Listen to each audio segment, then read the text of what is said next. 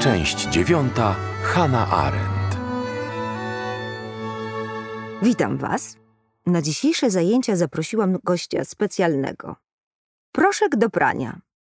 Cała pralka niestety nie dała rady przyjść, bo jest bardzo zajęta. Pralka bowiem zrobiła jedną z największych rewolucji. Dzięki niej można ubrania częściej zmieniać. Wcześniej praczka robiła pranie raz na miesiąc i zajmowało jej to cały dzień. Albo gromadziło się mocz i popiół do prania, albo prało się w rzece kijankami, czyli czymś w rodzaju kijów baseballowych.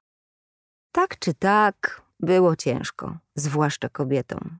Śladem niedokończonej rewolucji jest to, że niektórzy współcześni mężczyźni dotąd nie nauczyli się jej obsługiwać. Kiedy Ludwik XVI dowiedział się, że zburzono Bastylię, zakrzyknął C'est un revolt! Ale książę La Rochefoucauld poprawił go. Non, sire. C'est une révolution. Pierwszy raz użył tego słowa w naszym znaczeniu. Obalenie starego i ustanowienie nowego porządku. Nie rewolta i nie reforma. Hannah Arendt mówiła, że rewolucja nie potrzebuje przemocy, ale często przemoc towarzyszy rewolucji. Kiedy sufrażystki chciały prawa wyborczego, często spotykały się z przemocą, zwłaszcza gdy front przebiegał w domu. Mówiono im, że to ich zachowanie zabije rodzinę. Przemoc wybucha, gdy na drodze do wolności staje tyrania, także tyrania domowego łańcucha. Skutkiem rewolucyjnej przemocy może być wymiana tyrana, na przykład stara na dyktaturę proletariatu. Dzieje się tak, gdy nowa władza jest sprzeczna z intencjami zwykłych rewolucjonistów. Wtedy nowa władza wybiera sobie wrogów spośród siebie, a rewolucja staje się permanentna.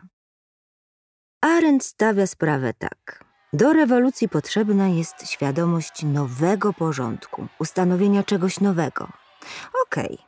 czasem hasła mówią o tym, by było tak jak dawniej, ale budzimy się w czymś nowym. Rewolucję budzi dążenie do wolności. Jak wyrywające się z sukni piersi na obrazie La liberté dans le peuple autorstwa Eugène'a de la Croix. Zwykle nie chodzi o to, żeby nie chodzić bez stanika, ale o uczestnictwo we władzy, a więc o decydowanie o prawach, decydowanie o tym, czy trzeba chodzić w gorsecie, czy nie, o tym, czy musimy prać, czy nie, czy możemy się rozwieść, czy nie czy musimy mieć zgodę męża, żeby pójść do pracy? Czy nie?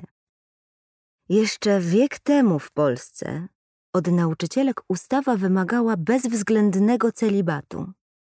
Dlatego dziecko oznaczało zwolnienie. A studia, ha, studia były poza zasięgiem, dlatego Maria Skłodowska wyjechała do Francji. No tak, no ale jak miliony, które zyskały prawo uczestnictwa we władzy, mogły to robić?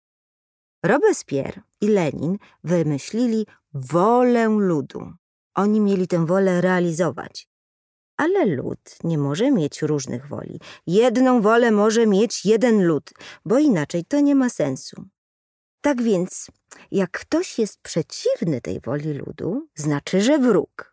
A jak się już zbierze parę tych wrogów, można już dusić kontrrewolucję.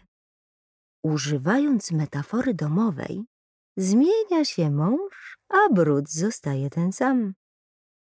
Arendt mówiła o trzech stanach ludzkiego działania: trud, by przetrwać, praca wytwórcza i publiczne działanie z innymi.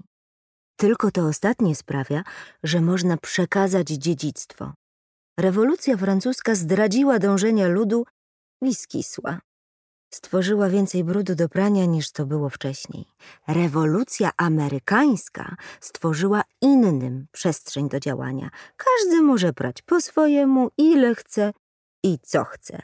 Zresztą na początku rewolucji zawsze spontanicznie odtwarza się to publiczne działanie z innymi. Powstają rządy grodzkie, republikańskie, zbierają się rady. W Ameryce były to rady kolonistów, w Rosji Sowiety. Podczas węgierskiej wiosny i w czasie Solidarności rady zakładowe, równościowe, z delegatami do wyższych rad. Ten skarb rewolucji potem ginie. Jak panny młode uwalniały się od władzy ojca i rozpoczynały swój nowy rozdział, też miała być równość, a potem znów przychodziła hierarchia. Na szczęście jest pralka i nie da się cofnąć czasu. A jeszcze jedna rzecz na koniec. Wolter pisał o Wersalu, że zapachy w parku, w ogrodach, nawet w pałacu przyprawiają o mdłości. Przejścia między budynkami, dziedzińce, skrzydła pałacu, korytarze pełne są uryny i fekaliów. No cóż, trudno się dziwić takim wyznaniom. Przecież król się nie mył, męczyły go pluskwy, wszy, drgawki i wysypka. Bo zamiast prania był puder i perfumy. A my dziś, dzięki praniu, wracamy do początków. Przypominamy sobie, o co tak naprawdę nam chodziło. Z tą sukienką, z tym ustrojem i z tą wolnością. Tak, do usłyszenia.